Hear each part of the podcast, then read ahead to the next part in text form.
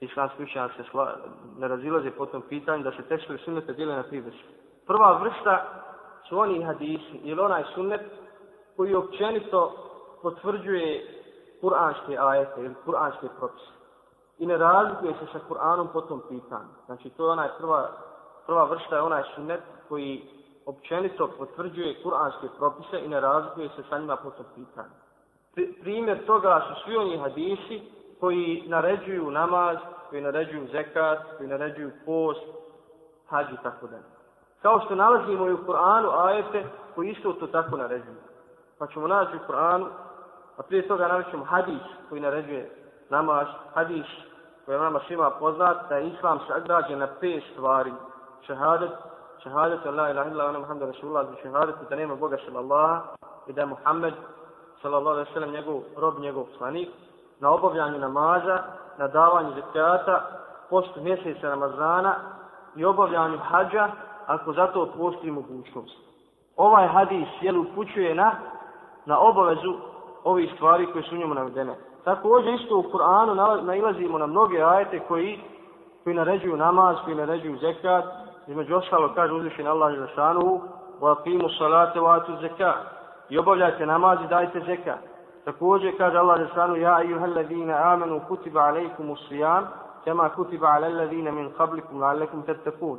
O vjernici, propisuje vam se post, kao što je propisan i onima prije vas da biste bili bogobojazni. Također Allah Žešanu kaže, O lillahi ale nasi hijđu l-bejti men istata ilaihi sabila.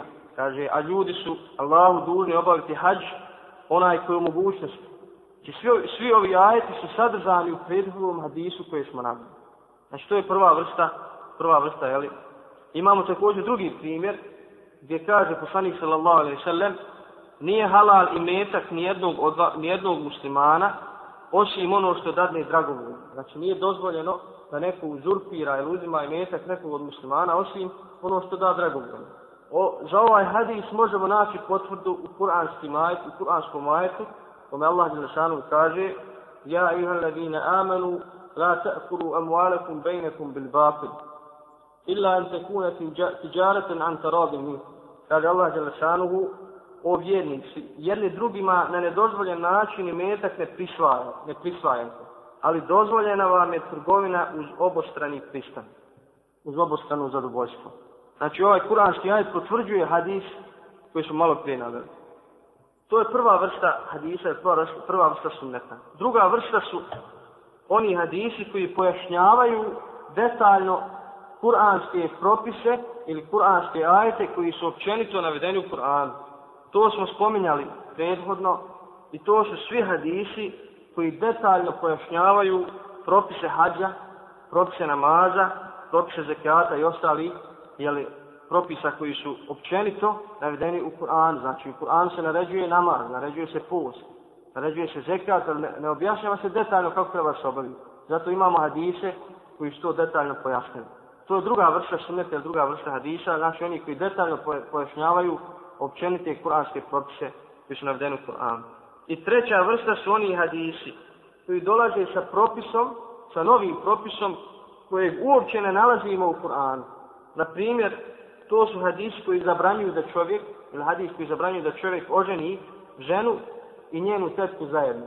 Znači to je po hadisu, po sunnetu zabranjeno, da se doženi ženu i njenu tetku. S tim a da može, ako mu umre žena prva, ili se razvede sa njom, da može ženu njenu tetku. Ne može da u isto vrijeme oženi ženu njenu tetku. Ili kamenovanje oženjene osobe koja počini zinalu. Kamenovanje oženjene osobe koja počini zinalu. Zato nemamo jeli, dokaza u Koranu.